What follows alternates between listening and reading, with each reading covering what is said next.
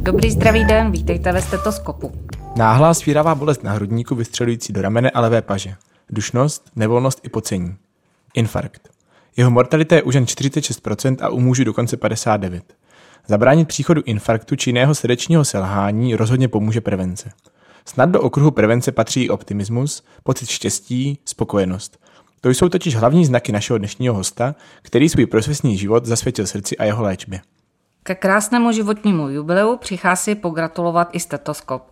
O svých srdečních záležitostech bude povídat profesor Jiří Vítovec, zástupce přednostky první interní kardioangiologické kliniky Fakultní nemocnice u svatéAny a Lékařské fakulty MU.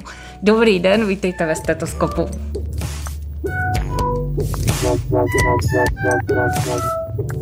Dobrý den, děkuji za pozvání, ale musím hned na začátku vás trochu opravit. Taková mortalita na srdeční infarkt není, to je o 10 krát méně, to znamená kolem 4% dneska po té intervenci, že jo, my máme v podstatě nejlepší eh, léčbu akutního infarktu myokardu na světě. Profesor Brownwald, což je taková ikona světové kardiologie, řekl, když dostával čestný doktorát Karlovy univerzity, když infarkt jedině v České republice. Takže ta mortalita, řekněme, by byla tak de, možná, možná deseky letá, ale eh, mortalita na akutní infarkt v současné době je kolem, když to řeknu, tak do 6%. Je, tak to jsem ráda. To, to hned si tady To se nám tam spíš vloudila chybička v čárkách.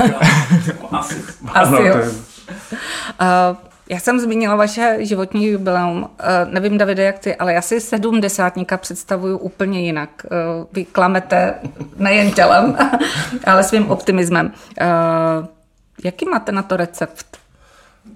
já, to je těžko říct, tak eh, možná, že je to taky daný geneticky. Eh, Můj, eh, moji rodiče sice zemřeli, maminka nešťastnou náhodou poměrně v mladém věku, v 45 a tatínek v 78 v náhlou smrti, ale jeho sestry, on měl šest sester a ty se všechny dožili kolem 90 a přes 90 let, takže možná tam nějaká i ta genetika trošku, trošku hraje roli a potom se snažím, a to je prostě taková rada pro všechny, prostě se dívat na ten svět, že eh, sklenice je poloplná a ne poloprázdná. Každý, každý ok, eh, mrak má stříbrný okraj, jak se říká, takže je to jen o tom úhlu pohledu, jak se na jakoukoliv problematiku díváte. Že? Máme dneska tady covid, samozřejmě hrozný, ale jistě tam se taky by naš, dali najít některé pozitivní věci. Samozřejmě těch negativních eh, zatím převažuje, ale eh, Vemte si, že, ten, že ta covidová epidemie jedna nás upozornila na to, že ta příroda je přece jen mocnější, než jsme my. A druhá, druhá věc je ta, že eh, díky covidové infekci se, bude, se prostě rozvinula třeba eh, distanční výuka. Samozřejmě není ideální, že jo? výuka, eh, zvlášť třeba v medicíně, musí být jaksi praktická, u lůžka nemocného a tak, ale třeba jen, když máme jezdit na různé schůze vědeckých rad, tak to je jasná výhoda, že dneska se posadím doma, můžu na ty, protože já bych tam jel do Prahy eh, na 10 minut přečíst svůj posudek a pak zase, to znamená, že ztratím z toho dne minimálně 5 hodin, tak tady prostě to při, řeknu do toho počítače a je to tak. Některé výhody a to záleží, jak se na to budete dívat. Samozřejmě, když budu pesimista, tak budu mluvit o úmrtích, o, o komplikacích covidu, o komplikacích samozřejmě je tady, že jo, my to pocitujeme tady ve zdravotnictví velmi, že jo, ty negativní věci, ale člověk si musí vždycky najít, pokusit se najít to pozitivní. Mhm. Když se vrátíme na začátek, eh, chtěl jste být od jak živa lékařem a když padlo to rozhodnutí? Tak já jsem, eh, moje maminka si vždycky přála, abych byl lékařem. Já jsem eh, na devíti letce že on měl spíš takovou touhu to dělat chemii, anebo fotografii. A maminka mě vždycky přesvědčovala, že když ta chemie na té medicíně je a ta fotografie, tak můžeš jít na rengen. No a já jsem říkal, mami, na medicínu, nepůjdu na cokoliv na medicínu, nepůjdu, nemám rád, nesnáším krev. No ale stala se taková situace, že na gymnáziu, tenkrát to nebylo gymnázium, ale střední všeobecně vzdělávací škola, ale podstatě funkce gymnaziální, tak jsem jel s kolegy nebo ze studenty, s kamarády z vyššího ročníku, kteří se byli podívat na Eh, anatomickém ústavu na pitvy a popisovali, jak je to zajímavé, když tam ty nervy a ty cévy. A tak já jsem si řekl, protože jsem nebyl přesvědčený, že, mu, že bych měl jít třeba studovat filozofii nebo matematiku nebo na techniku, tak mě ta medicína tak jako mm, probleskla hlavou a přišel, prostě byl jsem přijat a dneska toho eh, rozhodnutí nelituji, ale byl to v podstatě, když já to všude říkám, eh, rozhodnutí v autobusu, když jsme jeli na Lesnou na nějaký basketbalový turnaj středních škol. Tak to bylo takové rozhodnutí, ale, ale do té doby jsem nebyl přesvědčen, že by šel na medicínu. Ale to rozhodnutí pak padlo a já toho nelituju. Vy jste vyrůstal u svého dědečka, pana profesora Klapky, což byl matematik na VUT. Eh, netlačil on vás spíš do té matematiky a ne, máte ne, ne, geny třeba matematické? Já jsem přenašeč matematických genů. protože děda mě netlačil, děda v tomhle byl jaksi, eh, a já jsem se snažil pak u svých dětí postupovat stejně, prostě rozhodnul se, tak to bych studovat. Já jsem teda se přiznám trošku, že tu matematiku jsem z ní měl strach, protože ten děda byl v té době velmi známý brněnský matematik a vědělo se, že mě vychovává, i když měl, protože to byl tatínek mé maminky, tak to v Brně se vědělo, takže já kdybych šel na jakoukoliv zkoušku, tak by to byl ten ten vnuk od profesora Knap, Klapky, že jo. No tak to jsem si říkal, tak to v žádném případě ne. Já musím mít, to byla taky jedno z těch rozhodnutí, proč jít na medicínu, protože ten děda tam přece jen eh, měl malý, malý dosah, v podstatě skoro žádný, i když ho znali někteří, že jo, ale to, to vůbec to nespojovali. Takže eh, z tohohle důvodu, ale jak jsem říkal, jsem přenašeč genu, protože obě moje děti vystudovali odbornou matematiku, syn učí na, eh, na elektrofakultě a na, na fakultě informatiky a dcera vyučuje mm, matematiku na gymnáziu že jo, v, v, a ještě ve francouzštině ke všemu. Wow. Pane profesore, když se podíváme na vaše studentské léta, tak jaký jste byl student? Byl jste poctivý, pilný? Musím říct, že co, na té střední škole jsem to trošku flákal, ale bylo to spíš způsobeno tou politickou situací, protože to byl rok 68. A my jsme doopravdy žili eh, těma změnama, že fandili jsme eh, pražskému jaru, byli jsme zklamáni že jo, vstupem vojsk, a, ale bylo to ovlivněno a člověk spíš, já jsem spíš četl literární listy a všechny noviny, které byly jaksi pozitivně tomu pražskému jaru nakloněny a dokonce jsem chtěl chodit na některé meetingy, což mě někde zakazoval, ale na některé jsem se dostal, ale na té medicíně mě to tak zaujalo, že jsem doopravdy byl myslím si, až bych řekl, šprťák, jo?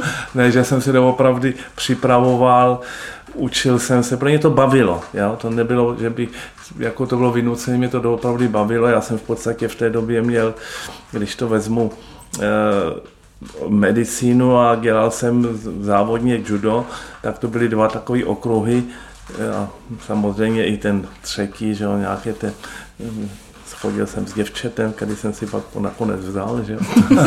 ale jo, ale prostě tyhle byly ty dvě věci a ještě ke všemu v tom judistickém oddíle přede mnou byli uh, studenti jako eh, o rok výš a o dva roky výš a my jsme po sobě si vlastně dědili skripta, takže já jsem v podstatě od těch svých judistických kamarádů dostával skripta a takže a i takhle to bylo propojené. To byl zřejmě dobrý oddíl, jestli to... STK. Chvolkovice Brod. Šmeralový závody, Brno. já, já osobně dělám bojové umění taekwondo a uh, vzhledem k té filozofii těch bojových umění, uh, tak mi to dalo do toho života, hlavně do té medicíny nějakou takovou disciplínu a sebekázeň, tak uh, pocitoval jste i na sobě, že vám to judo uh, něco do toho studia dalo? No, do studia, víte, do života mě to dalo.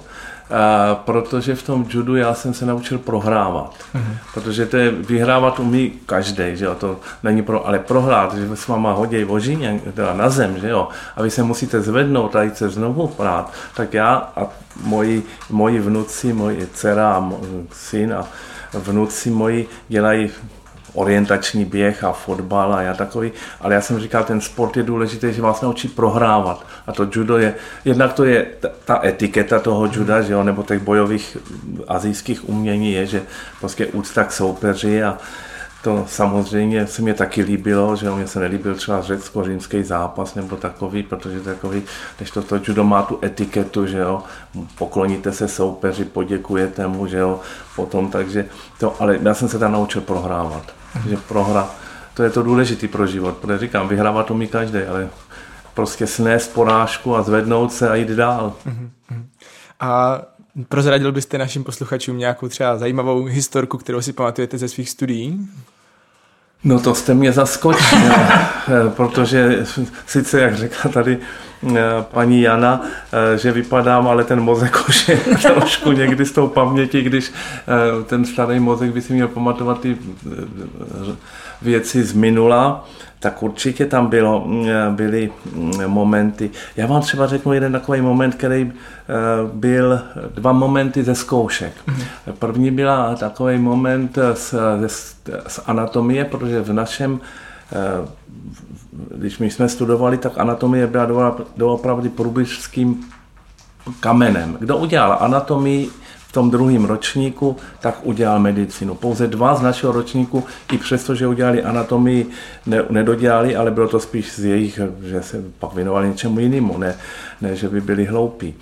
A tak já jsem si tu anatomii jasně učil a dokonce jsem tam dělal pomvěda na anatomii a zkoušel mě profesor Poláček, který ho pak samozřejmě vyhodili za postoj ke vstupu vojsk a ten to byl opravdu renomovaný, renomovaný anatom a e, při té zkoušce samozřejmě jsem, jsem byl naučený, že jo, tento, a e, asistent, který tam byl u toho, říká, no ale já jsem mu tady při, e, při stážích měl dvojku. A pan profesor Poláček řekl, ano, těžko na cvičišti, lehko na bojišti. Hmm. Takže jsem dostal. A druhý byl pan profesor Bravený, první vlastně porevoluční děkan lékařské fakulty a můj potom učitel a mentor a přítel. Tak když jsem u něho dělal zkoušku z fyziologie, to bylo taky, a pak ho zase vyhodili, tak jako profesora Poláčka, tak si vzpomínám, že jsem přišel na zkoušku, tam byla bomboniéra, nabídl mě, že jo, teď jsme se bavili otázky, že jo, který jako jsem zvládnul, ale on říká, co, mě, co by mě zajímalo, nebo co mě zajímá z té fyziologie. Jsme se bavili o beta-blokátorech, které tenkrát začínaly do léčby, byla tak jasně příjemná zkouška. Takže nebudu zmiňovat další zkoušky, takové se nespomínám, že by byly tak, jo, ale jednu musím vzpomenout, protože to, je, to bylo opravdu hezký. My jsme měli to, co dnešní posluchači vůbec neznají, eh, výuku marx-leninismu. Mhm. V druhém ročníku byla politická ekonomie, ve třetím byl vědecký komunismus, nebo a, a, marxistická filozofie a vědecký komunismus. A já, to bylo v pátém ročníku a já jsem šel na zkoušku, učil jsem se na to asi, já nevím, den jsem si přečet nějaké věci a zkoušel nás takový děsně hodný asistent, a já jsem dostal otázku, v které jsem se motal prostě. A on tak jako se na mě podíval a říkal, chcete, stačí vám dvojka a já kvůli stipendium pro spěchu jsem potřeboval jedničku. Já jsem říkal, já jsem mu dokonce řekl, pane asistente, než ještě nějakou náhradní otázku, abych potřeboval on říká, dobře, tak mě řekněte rozdíl mezi čínským a sovětským komunismem. Ale jak mě by tu otázku vyslovil, tak už jsem viděl, že mě napsal výborně. Jo, takže bez ohledu na to, co jsem řekl, tak, tak mě dal, tak byl takový, oni ho tak potom taky vyhodili samozřejmě za ten přístup. Takový, to vypadá, že u koho jste skladal zkoušky, ten byl ne, Já jsem nastoupil na lékařskou fakultu v roce 69, že jo, a v 70. letech byly prověrky. Takže já opravdu můžu říct, že eh, když jsem odešel z toho nebo udělal zkoušky v tom daném ročníku, tak ty vyučující ve většině případů vyhodili, teda oni je přesouvali na jiné, na jiné pracoviště, že jo, ale tak to bylo. Jo. Profesor Poláček odešel na patologickou anatomii, pan eh, profesor Bravený odešel na druhou interní kliniku kde nám teda nesmírně pomáhal, že jo, když si spolu tenhle člověk, víte, kde skončil, jako mlu, um, rétor na pohřbech, jo, skončil. A takže takový to bylo, no, odcházeli, no, to bylo, že byly prověrky, že jo, a tam teda bohužel plno velmi schopných lidí, že jo, muselo odejít a to byla ta normalizace no, na lékařské fakultě. Vy jste teda promluval v roce 1975 a v té době teda nebylo uh, normální, nebo nebylo spíš možné cestovat do zahraničí své volně. Když jste se třeba poprvé dostal na nějakou zahraniční cestu? To jste udeřil uh, hřebík na hlavičku, nebo že, uh, protože já jsem se poprvé dostal ven až v roce 87 na konferenci do, to si pamatuju jako dneska, do Heidelbergu o srdečním selhání a nedovedete si představit, co mě to stálo úsilí protože jsem potřeboval od nich potvrzení, že mám všechno hrazené. Já jsem e, měl kamaráda, že jo, přednostu biochemie na v dětské nemocnici, primáře pohlídala, který mě přes firmu sehnal e, peníze na vlak a na ubytování a dál ne.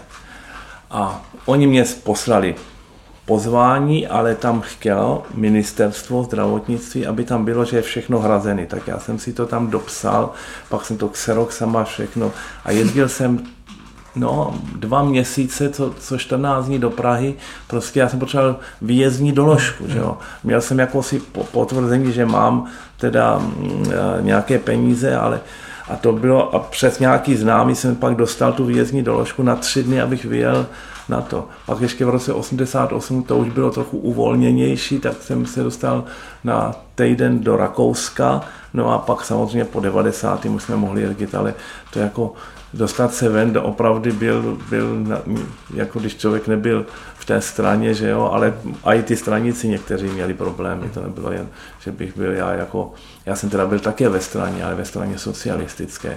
To je zase taková, to stojí asi za zmínku, já jsem eh, v té době pracoval na druhé interní kliniky, klinice pod vedením pana profesora Klabusaje, což byl člověk, který přišel z Ostravy, byl to člen krajského výboru strany, ale jeho opravdu politická orientace vůbec nezajímala. On, se, on dbal na to, aby ty lidi měli prostě odbornou úroveň. No a já jsem v roce 82, 82 za ním přišel a říkám mu, pane profesore, eh, já bych chtěl vstoupit do strany socialistické, nebude vám to, nebude vám to vadit, protože mě, na některých pracovištích to vadilo, když tam byl ten vedoucí. A víte, co mě řekl tenhle člověk? Říkal, no, děláš dobře, vem tam nějakou funkci a budeš mít od nás pokoj. V roce 82 vám to řekne přednosta kliniky. Říkám, to byl, myslím, že pan profesor Klabusaj má mnoho, mnoho zásluh na brněnské medicíně, protože když vzpomenu svého jednoho velmi dobrého přítele, profesora Vodlíčka, že jo, který mu, eh, který mu taky dal možnost potom vybudovat kliniku, protože to ještě začalo těsně před eh, eh, listopadovým převratem, že jo, takže a řada dalších, řada dalších, takže ne všichni komunisti byli mm, jaksi jak se říká, špatní. Že? Mm. Já, já jsem měl spíš to štěstí, že jsem se setkal v podstatě, když byl někdo ve straně, tak to byl slušný člověk. A byl tam z různých důvodů, samozřejmě dneska se to dobře kritizuje, že jo, ale kdo chtěl dělat kariéru, já jsem se do té strany socialisticky dostal proto, že moji strýcové, bratři Adamové, jeden byl eh, profesor revmatolog a první polistopadový, polistopadový minister školství a jeho bratr byl Eh, místo předseda České národní rady za stranu socialistickou, oba byli v ústředním výboru této strany. A když jsem jim řekl, protože jsem to vlastně přes ně se tam dostal, tak mě řekli, no jo, hochu, ale nikdy nebudeš vedoucím pracovníkem. A já jsem řekl, tenkrát mě to nevadilo, že jo, ve 30 letech, aby mě vadilo, že nebudu vedoucí pracovník. Jo. Takže taková, taková prostě vzpomínka i na pana profesora Klabusa je, že jo, když vzpomenu své, své tady všechny a to možná bude vaše další otázka. Určitě. Já bych se teda ještě vrátil na začátek vaší kariéry lékařské. Vy jste nastoupil tady do nemocnice ke svaté Aně. Vybral jste si nemocnici nebo jste dostal přidělené místo? Nevybral jsem si místo, já jsem vzhledem k tomu, že dědeček byl poměrně vážně nemocen a už byl v podstatě závislý na, na, na mé péči, tak jsem potřeboval zůstat v Brně a místa, která byla, eh, protože já jsem původně chtěl dělat eh, anestezii a resuscitaci a toto místo tady volné nebylo, ale chtěl jsem zůstat v Brně, tak jsem využil svých strýců, kteří měli v Praze eh, že místo předseda Český národní rady byl můj strýc a znal se s předsedou zdravotního výboru a ten zavolal tady řediteli fakultní nemocnice tenkrát řediteli Kunzu a ten mě přidělil, přidělil na první interní kardiologii, tenkrát ještě jen, jen i první interní kliniku a tady jsem se prostě zamiloval trochu do kardiologie a tady musím vzpomenout ty lidi, kteří, že to byl pan nyní docent Chaloupka, který byl můj přítel, nebo je stále můj přítel, který mě první tak jako do té kardiologie a pak profesor Semrát, další, že jo, to byly, když to tak jako shrnu, tak profesor Semrát mě natchnul pro interní medicínu, profesor, eh, docent Chaloupka potom ke kardiologii, pak jsem přešel na druhou internu, tam byl eh, profesor Štejfa, profesor Dvořák, primář Zícha, tam byla taková přátelská atmosféra a tam jsem se seznámil s profesorem Špinarem a jeho ženou a jsou vlastně takový kamarádi, ale v podstatě tu kardiologii děláme společně, takže tím jste mi odpověděl vlastně na další otázku, jak významné lidi jste potkal tady na svém pracovišti, takže no, tak když to, to už jsme tak, když to, vyjmenovali. Když to vyjmenuju od tam za, začátku, tak já to říkám. Pro internu profesor jsem rád, protože mě měl jako asistent od třetího do šestého ročníku a doopravdy se nám věnoval. On tenkrát skládal zkoušku eh, druhou atestaci z interny, takže on byl velmi jaksi fundovaný a ještě byl původně fyziolog, takže ty stáže byly velmi zajímavé a v podstatě celý kruh, který on vedl, tak všichni jsme se dali na internu, díky němu. No a potom tady na klinice to byl hlavně, hlavně eh, docent Chaloupka, tenkrát vedoucí koronární jednotky, ale i třeba například profesor Zeman, další, eh, že jo, potom, když ještě tam vzpomenu mm, eh, i docent Lupínek, ale po mm, pěti letech jsem dostal nabídku od profesora Klabusa je přejít jako klinický farmakolog na druhou interní kliniku, kde jsem, i když jsem byl jako klinický farmakolog, zvěnoval ty kardiovaskulární problematice i v té farmakologii. No a tam jsem samozřejmě, tam byl profesor Štejfa, že on můj eh, takový opravdu kardiologický guru, profesor Dvořák, primář Zícha, docent Blaha, že jo, kamarád. Tam jsem se seznámil s, s, nyní s profesorem Špinarem, tenkrát mladým, mladým lékařem a jeho ženou a vidíte, kam to oba dva dotáhli a tak to byly. Možná jsem na někoho zapomněl, ale já jsem eh, schválně říkal jen ty, co byli tady ve fakultní nemocnici. Samozřejmě mám řadu dalších inspirujících kamarádů. Zapomněl jsem na profesora Braveného, že jo, to byl další takový můj vzor a mentor. V únoru jste slavil významné své jubileum. Eh, významné roky máte odsloužené i na fakultě naší. Kolik let pracujete ve fakultní nemocnici u svaté Ani? Tak 75, 2001, 46 let. 91 jsem eh, nastoupil na lékařskou fakultu, takže to je... 30 let letos. 30 let. 30 let no. To jsou významné data, budete slavit letos jenom. Ale tak něco už jsem oslavil a ono už eh, slá, teď mě gratuloval, nebo že jsme se bavili s profesorem Vodličkem o tom, že veškerá sláva polní tráva. No. dožil jsem se, to je důležitý, dožil jsem se a já musím to říct, a říkám to velmi rád, že já chodím do práce stále rád, mám tady výborný prostředí od eh, paní profesorky přes všechny kolegy na klinice, takže je pro, pro mě opravdu to chození do práce je zábavou.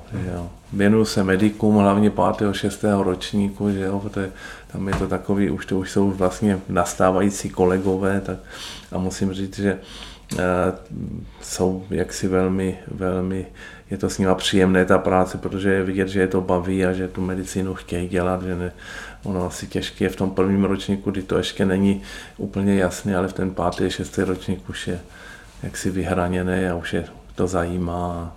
Mhm. Je to tak, musím potvrdit, já jsem v pátém ročníku a už je to teda mnohem jasnější ta no. cesta. Chtěl bych se vás zeptat, vy jste zmiňoval, že během vašich studií byly beta blokátory, jak si ve vývoji, ještě to asi nebylo úplně zavedené, tak jak byste popsal, jak se změnila ta léčba onemocnění srdce od doby, kdy jste nastoupil až do dneška? No, radikálně a velmi, protože když já jsem nastoupil v tom 75. tak vezmeme si dvě choroby takové a léčba akutního infarktu myokardu a léčba srdečního selhání. Tak léčba akutního infarktu myokardu tenkrát spočívala v tom, že pacient se přijal, dostal infuzi s inzulinem a draslíkem, tomu se říkalo nějaký rostok po nějakého palase, nebo tak, to nevím přesně, to už jsem zapomněl. A potom dostal lanatozy, což byl jeden ze srdečních glykozidů, bylo jich pět tenkrát, a dostal nitret. A s kým šel, ležel v nemocnici 3 až 6 týdnů, postupně rehabilitoval. Dneska nekomplikovaný infarkt, který přijede už v sanice dostane antikoagulaci a antiagregaci, je ošetřen, že ta ceva se nastřikne, roztáhne, dostane stent a nekomplikovaný infarkt odchází domů s pěti léky. S pěti léky. Beta blokátory, AC inhibitory nebo sartany, eh, duální antitrombotická léčba, to znamená aspirin s nějakým klopidogrelem nebo modernějšími a statin ten nekom, tak vemte si ten rozdíl. A pro pacient nekomplikovaný je u nás tak maximálně 3-4 dny, spíše někdy dva dny, když je to malý infarkt. Srdeční selhání tenkrát v tom roce 75, tak diuretikum a nějaký ze srdečních glykozidů.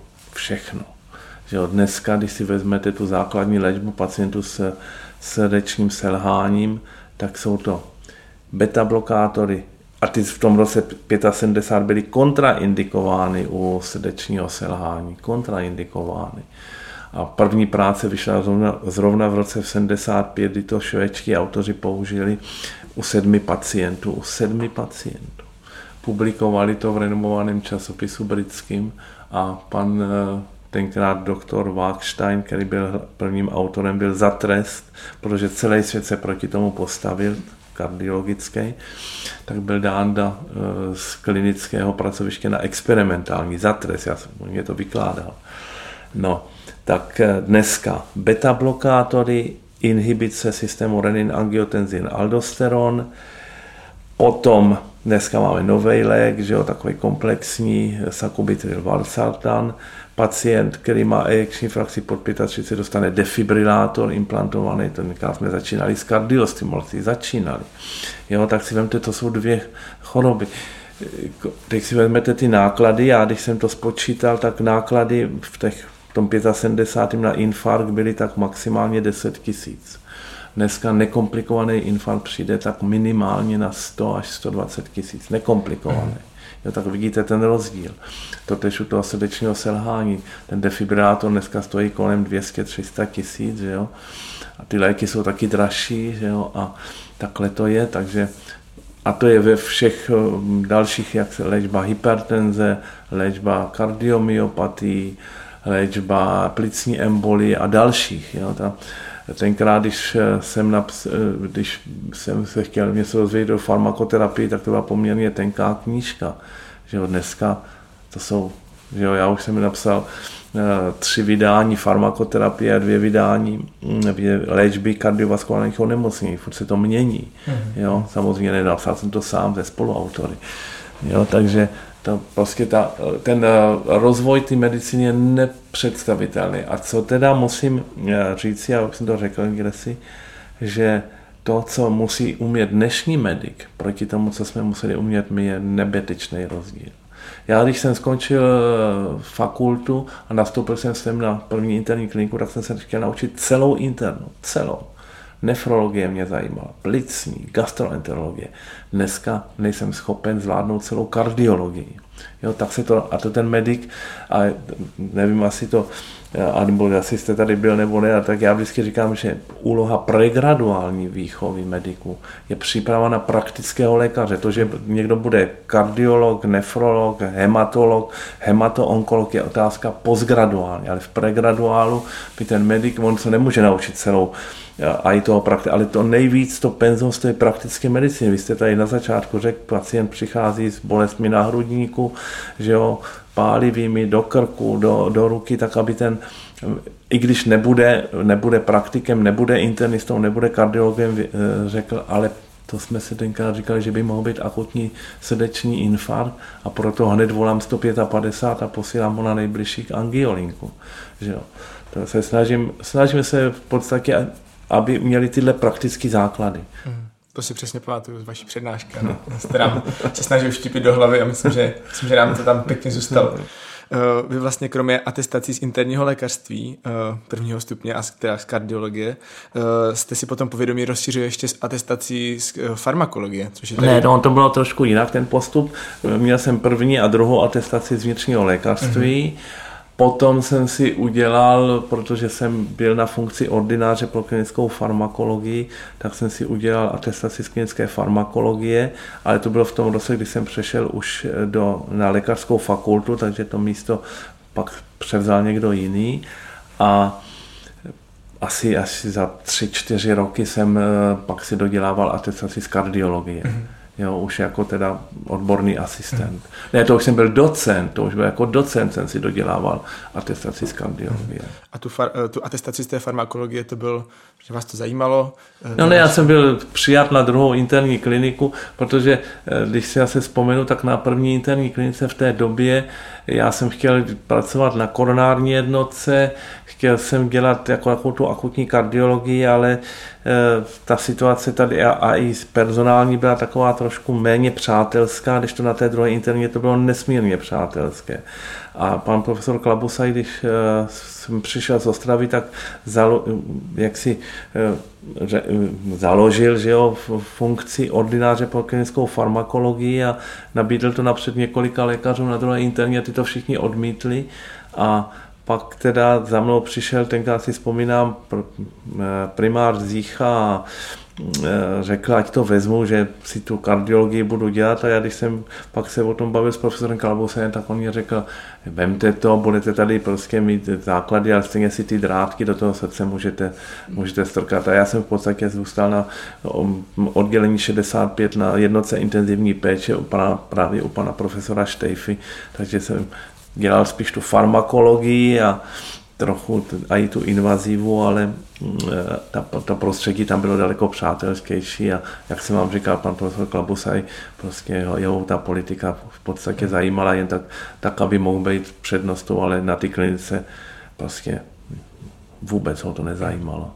Zmiňoval jste, že vyučujete i studenty farma, farmacie, uh, takže jste učil i na veterinární farmaceutické univerzitě vyučíte tam i dodnes. Ano, ano, ale e, dobře víte, že dneska, a to je díky panu e, rektorovi, a já jsem to říkal, protože pan rektor je můj e, kamarád a má tady proti svůj, mm, svůj inspekční pokoj, tak jsem mu řekl, Martine, kdyby se ti nepodařilo nic jiného za tu dobu, tak převedení farmaceutické fakulty pod Masarykovou univerzitu je prostě majstrštyk. My jsme, když byl profesor Vodlíček, profesor Vodliček děkanem a já jeho proděkanem, tak jsme se snažili taky, ale vůbec se nám to nepodařilo. Ale pan, pan rektor Bareš prostě dej mu, že jo, to, to říkám, kdyby nic jiného, tak tohle, samozřejmě on už je, už je udělá plno dobrých věcí, jak ho znám, on je, ale tohle už jo, na samém začátku převedení farmaceutické fakulty pod Masarykovou unii. Ono to mělo být, že tam byly nějaké prostě nedorozumění na začátku, protože tady vždycky farmaceutická fakulta byla, komunistky přehodili do Bratislavy a hned po po revoluci prostě eh, chtěli zpátky a Masaryková univerzita jim dala košem a zase to je díky teda a za to je, bychom měli být většinou farmaceutická fakulta, že je vzala ta veterina a vytvořila jim tam podmínky pro to, takže pak se Martinovi podařilo prostě to přetáhnout, což je teda ne, jaksi majstrštyk. Vaším oborem je prevence, zejména uh, léčba uh, hypertenze, je to tak? No, mým oborem je, to bych tak řekl, to není prevence, že jo, léčba hypertenze, léčba srdečního selhání, to jsou ty hlavní dva okruhy, že jo, ale samozřejmě do toho ta prevence patří, když se mě zeptáte, jak se máte chovat, nebo jak se máme chovat, je to děsně jednoduchý ta prevence, to je taky jednoduchá nekouřit, nepřežírat se, dodržovat eh, prostě pohybovou aktivitu v rámci svého věku, tak kolega může běhat, dělat taekwondo a podobně, tak já už, ani to judo se už na něho jen dívám, že jo, ale chodím, že jo, dělám tu aktivitu, která mě je příjemná, ale je to jednoduchý. A samozřejmě a tam patří do ty prevence, potom máte pravdu, kontrola krevního tlaku, kontrola, eh, kontrola lipidů. Mm-hmm. Co vám osobně zvedne ještě tlak? A v dobrém a ve špatném. tak naštěstí, když si občas kontrolu tlak, tak ho mám pořád nízký. Já vám neřeknu, co mě zvedne tlak. No, nebudu zmiňovat politiku. Víte, co je... Tam to zvedá něco jiného. Ne, ale ne, víte, co je to... Ne, ne, ono to je, já mám, já jsem to trošku taková, i když to nevypadá, já se snažím to zakrývat, ale já jsem takový trochu vznětlivý člověk. A zvláště třeba, když vidím, a přitom vím, že to neovlivním tu politiku, že jo, neovlivním, tak prostě člověk eh, to musí brát jako je to tak, jak to je, že jo, bylo by to vždycky téma na třeba celý večer, že bychom se bavili o politice, a, ale člověk má dělat to, co umí, že jo, to je jeho politika, že jo, to znamená, snažíme se eh, věnovat medici, eh, medikům a pacientům a tu politiku, ale bohužel nejsem někdy u té televize, někdy vybuchnu, no, ale jinak, co mě zvedá tlak, no mohu bych třeba ale to nevím, asi mě to zvedá tlak, eh, když vidím hezkou ženskou. No. to taky. První kardiologická klinika je vysoce specializované pracoviště, které spadá vlastně pod eh, Centrum mezinárodního klinického výzkumu.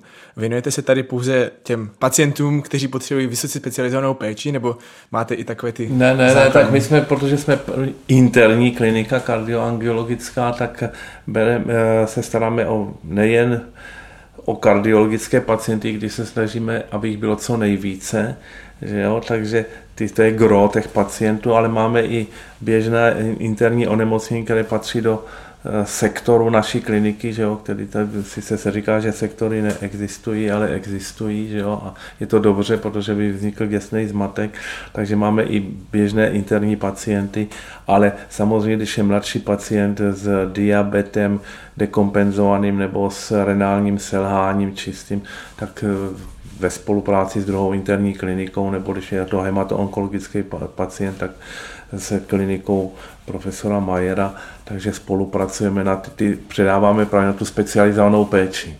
Mm. Jo, takže máme i běžné pacienty, ale, ale když je to pacient mladý, který potřebuje opravdu tu specializovanou péči, tak eh, ta spolupráce mezi klinikama existuje a je, vždycky si vyjdeme vstříc kolegiálně. Ve svém oboru pracujete již mnoho let. Existuje dneska i nějaké diagnózy, které vás třeba překvapí? Nějaké raditní velmi? No tak raditní diagnózy jsou raditní, proto člověk o nich, no tak řeknu vám, co, co trošku eh, je takový, takové, jak bych řekl, oříšek, jsou eh, vrozené, eh, vrozené poruchy srdečního rytmu různé, jsou takový nepěkný český název, nepěkný, a to je kanálopatie. Jo, vy jako student víte, že eh, srdce, aby se stáhlo, potřebuje elektrický impuls, na to máme převodní systém, že jo, který hm, prostě dává ty elektrické impulzy a je řada, řada poruch srdečního rytmu, které, hm, které jsou geneticky podmíněné a teď v podstatě tady na klinice se tomu věnujeme a i ve spolupráci s klinikou, s klinikou eh, kardiologickou v Bohunicích, že jo, a z, Takže to jsou takové oříšky, protože někdy to se na to přijde, až když ten pacient má zástavu a pak třeba má nějaké postižení. Dokonce tady nám několik mladých pacientů zemřelo, že ona právě takovou eh, vrozenou, vrozenou vadu, že jo, ale je to takové do budoucnosti, to, to, to je pro vás mladý prostě inspirace to rozlousknout. Protože ta genetika bude hrát velkou roli, že jo. Otázka, do jaké míry, do jaké míry mm, ji budeme umět ovlivnit. Jo, prostě takový ty uh, vize, že prostě výjmeme eh, nějaký uh, DNA kyseliny a nebo toho, tak v laboratorních podmínkách to zatím zkoušejí a to, no tak já si to asi už nedožiju, ale vy určitě ano. To je opravdu zajímavé a těším se jednou, čeho dosáhneme. Já vám to trošku teď uh, odvratím od té vědy. Je mají čas uh, lásky, No, jestli se to dá zjistit vůbec, uh, projeví se zamilovanost na srdci? To víte, že jo. Srdce je, je v centrum lásky, že jo, se říká, tak samozřejmě jo.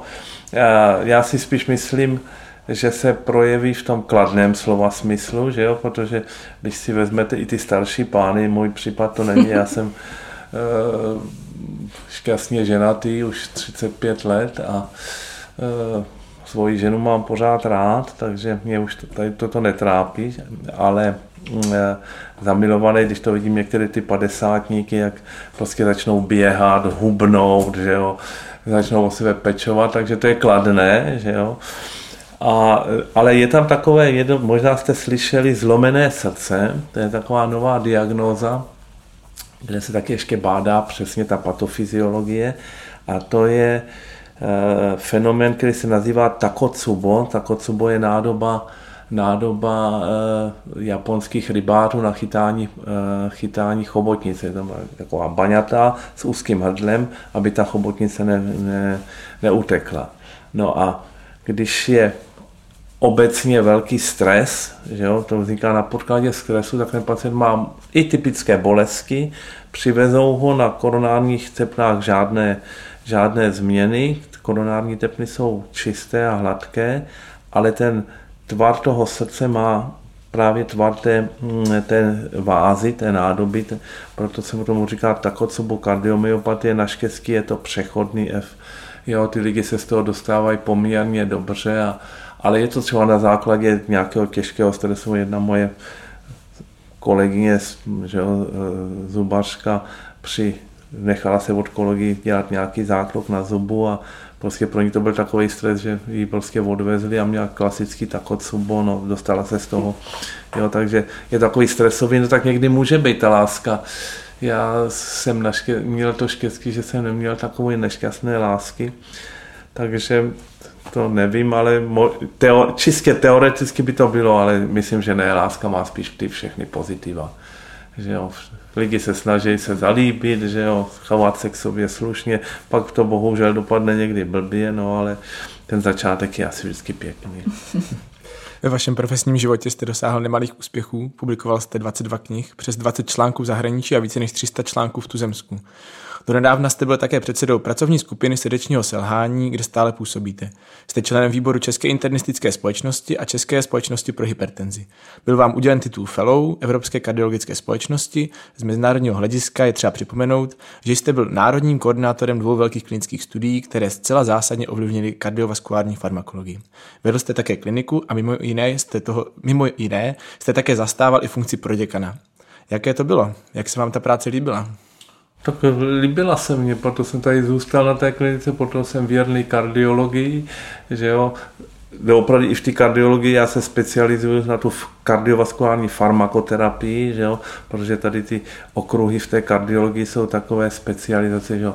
Celá skupina, která se věnuje léčbě um, poruch srdečního rytmu, že jo, arytmologie dneska, která je hlavně, tam, tam ta farmakologie dneska hraje menší roli, protože oni dělají ty invazivní metody, pak celá e, skupina tady zobrazovacích metod, že od echa, e, z magnetické rezonance, CT, spektu, že jo, pak eh, skupina invazivních kardiologů, pak je tady skupina srdečního selhání, která se komplexně věnuje až mm, po transplantace, že jo, my vlastně sledujeme pacienty na klinice před transplantací a po transplantaci v úzké spolupráci s Centrem kardiovaskulární eh, a transplantační chirurgie. Takže mm, ta kardiologie je doopravdy takový, nejen kardiologie, samozřejmě jakýkoliv medicinský obor je nesmírně, prostě ten eh, rozvoj je všude vidět, ale ta kardiologie je taková, no je to ten moje srdeční záležitost. Vy jste velmi činným akademikem, 30 let působíte na lékařské fakultě. Asi se nedá spočítat, kolik studentů vám prošlo rukama. To a, se nedá. A to se nedá. Ale dá se třeba vzpomenout na nějaké studenty, jak jsou nyní úspěšní? Tak ano, jeden z mých studentů, a to byl student, je pan profesor Marek Svoboda, nynější ředitel eh, Masarykova onkologického ústavu. Potom, když se, ono to je těžké, já když z těch podle jsou ještě poměrně mladí, že jo, takže, ale našlo by se, profesora Špinara jsem neučil, takže to, to, ten pak jsem s ním začal spolupracovat, toho učil, učili jiní, a paní profesorku, to ona vám jistě řekne. A koho z takových, Ježíš Maria, tak si tak zrovna si tak nevybavím, ale toho Marka Svobodu určitě ano, že ho můžu říct si, ne, ne, nespomínám si, asi jsem taky učil profesora Majera, že jo, a on je taky takový, to jsem možná, já jsem se s ním spolupracoval, když byl na druhé interní klinice, tak byl velice takový aktivní, že jo, i jako mladý doktor, tak to jo. Tak. V svém profesním životě jste nám popovídal docela hodně. Jestli bych se mohl na chvilku dovolit ohlednout i va- za vaší civilní e, dráhou, na co jste ve svém životě pišný a na co byste nejradši zapomněl? Na co jsem pišný, tak na své děti a hlavně na své vnuky. Určitě. No, co dál? Potom na tu profesní, že jo, protože já jako mám sice koníčka fotografii, ale jak říkám, I like photography, but photography doesn't like me. Nejsem, nejsem moc spokojený se svými, jako když tady máte, že jo, můj kamarád, tam je ta dáma, nebo nad váma, když vidíte, to byl můj kamarád Jev Kratochvil, známý brněnský fotograf. A mm, tak člověk se porovnává, že jo, tak samozřejmě to jsou věci, které ne to, ale člověk e, víte, má se snažit dělat, i když mu to nejde, no, tak já se snažím a to a samozřejmě jsem, že čeho jsem hrdý, že jsem dostal ocenění města Brna za svoji práci lékařskou, ocenění cenu Jihomoravského kraje, že jo, teď dostanu od, ocení od České kardiologické společnosti, takže jak si i v tom, že jo, a co mě nejvíc, víte, já jsem, jak bych to řekl, tak jako diplomaticky, když se mě zeptáte, co asi mě někdo v životě uškodil, nebo tak, nemůžu si vzpomenout. No, opravdu já jsem měl takový štěstí, že se ke mně lidi vždycky chovali slušně. Vždycky jsem měl štěstí, že u mě zemřela maminka, když mě bylo 16, nešťastnou náhodu, ale byl děda s babičkou, ty mě vychovávali. Že jo.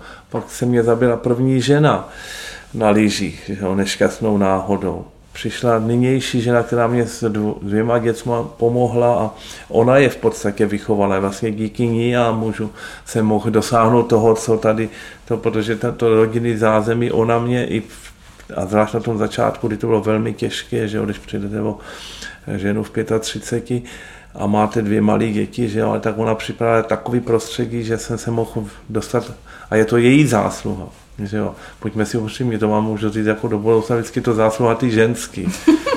jo. A musíte si ale vybrat takovou, aby mm, e, jste si vybral pro celý život. No to není jedno, nebo se to dobře radí, když máte za sebou 35 let mm, e, šťastného manželství. Samozřejmě ne, že by bylo úplně ideální, samozřejmě taky se občas dost, jako dáme do křížku, ale to všechno končí to samozřejmě usmířením, ale Eh, víte, co je nejtěžší na tom věku? Že zkušenosti, které máte, té mladé generaci se děsně těžko předávají. Je to poměrně jednoduchý ten medikum, že jo? protože oni, tam to je jasný, ale doma, třeba, jo, když vemu ty svý děti a když jim, já jsem věděl, že do, v určitých situacích, jak to dopadne a oni si nedali říct, že opak je řekli, taky to je náš život, dobře, a pak to dopadlo tak, jak jsem říkal, ale je to nepřenosné. Některé rady jsou nepřenosné, jo, mm. můžete se snažit a musíte se s kým smířit a musí si každý ten nos na, mm, jak si natlouct, ale a od toho vracíme na ten začátek těch bojových sportů, že jo, vy taekwondo, já judo, je prostě to, se naučit prohrávat, že jo, a v tomhle prostě to není prohra, že jo, ale člověk tak se říká, když jsem ti to říkal, no. ale jako nějaký prohry v životě, tak měl jsem ty neštěstí, ale to nejsou prohry, to bylo prostě, to je osud, že jo. To, to ne, bych nebral jako prohru, prostě takový je život. Víte, my trochu tady, mm, a to je zase taková spíš filozofická úvaha, eh, jak si si neuvědomujeme, že prostě život končí smrtí, že ta smrt je samozřejmě smutný, když eh, umírají mladí lidi, když umírají děti, to je nejtěžší, že jo, nejhorší, že jo, když umírají eh, při nějakých auto nehodách nebo vůbec haváriích a tak obecně, že jo, nebo to, ale když se dožijete toho věku 70 a víc, no tak ta smrt už je přirozená.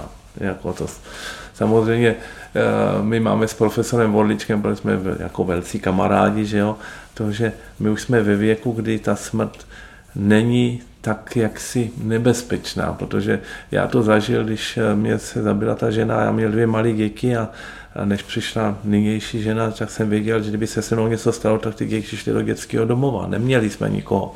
Jo tak to jsem měl o sebe strach, ale teď děti jsou hotové, že jo, a já si žiju, protože se mi to líbí, chodím tady do práce, jsou tady na mě hodní. Já mám v podstatě e, šťastný život a zase já to na toho vodlička vzpomínám, ale protože my jsme byli jako, že jo, nebo jsme velcí kamarádi a díky němu jsem taky se dostal do, a on mě tlačil, že jo, do profesory a do docentury a tak, tak eh, jeho moto životní je, co mě nezabije, to mě posílí. A to bych poradil i vám, že, jo, že v tom životě může se stát, že, jo, že se vám někdy něco nepodaří, ale vy naštěstí to taekwondo, to je, sice je to trochu rozdílný proti tomu judu, ale ten výsledek je stejný, prostě se naučit prohrávat. Přesně Takový tak. je život. Že jo. Se špatně vykryjete a už ji máte. Musím teda říct, že se vás opravdu úžasně poslouchá a že no. naši posluchači teda si podle mě ten, tento rozhovor pustí několikrát. Ještě bych si vás chtěl zeptat, eh, rád cestujete? Tak eh, to je taková otázka, tak samozřejmě každý rád cestuje, tak každý rád cestuje, že jo. A mm, vzhledem k tomu, že jsem začal cestovat v podstatě až po té revoluci, že jo, tak jsem měl to štěstí, že jsem navštívil v podstatě ty země, které jsem navštívit chtěl. Jsou to Spojené státy, jak je to Japonsko. Já jsem byl dokonce se podívat a strávil jsem asi dvě hodiny v Kodokanu. Mm-hmm. Ne, že bych se tam šel poprat, protože to, ale díval jsem se na ty tréninky. To je mm-hmm. jako tady jdete do fitka, tak ten Kodokan tam v podstatě chodí, jdou, že mají tam své skřínky a jdou se poprat ne jako v odpasky, tak jde kolem, tak mám hodinu, tak se tam jdu poprat, veme tam sparring partnera, to jako je bylo tak zajímavý, že o další země, tak jako jo a teď v podstatě, protože moje žena ráda cestuje, tak já rád cestuju s ní. A když situace letos dovolí, plánujete nějakou cestu? Tak uh, máme, my jsme, loni jsme měli štěstí, že jsme, a to toho litu, že jsem to poznal tak pozdě, v Norsku jsme byli v, o prázdninách, že se to tak uvolnilo. Měli jsme štěstí, protože my jsme přiletěli do Norska a za dva dny to zavřeli, to Norsko. Mm. Jo? A to bylo moc pěkný a to Norsko asi máte, budete mít potom možnost, tak tam určitě zajďte na studijní pobyt, to stojí za to, jinak mají kvalitní medicínu a, a ta země je, že jo, tam všichni umějí, umějí plyně anglicky od já nevím, bezdomovců, že jo, to, to ještě tady máme trochu rezervy. A letos, když to vyjde, tak se stejnou cestovkou do Jirska, Jo, my jsme dost, že jo, jezdili na kongresy, kde člověk aj měl ten čas, to, tak to teď není, tak sedíme kongresy, máme u počítače, no ale ale člověk, já už jsem říkal, já jsem, co jsem vidět chtěl, jsem viděl, takže že bych měl, jako kdybyste se mě zeptal, asi mám nějakou vysněnou zemi, tak už ne.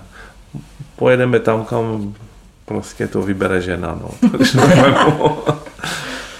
Tak malou cestou kolem světa jsme se dostali až na konec našeho vyprávění, ruku na srdce moc příjemného vyprávění. Já musím konstatovat, že se až těším, až na mě přijde nějaká srdeční slabost nebo selhání, protože vím, že budu v těch nejlepších rukou. A kde jinde infarkt, než v České republice, to už jsme si řekli. Já jsem na výsost ráda, že jsme vyvrátili ono horničkovo, moudrost nepřichází vždy s věkem, někdy věk přichází sám.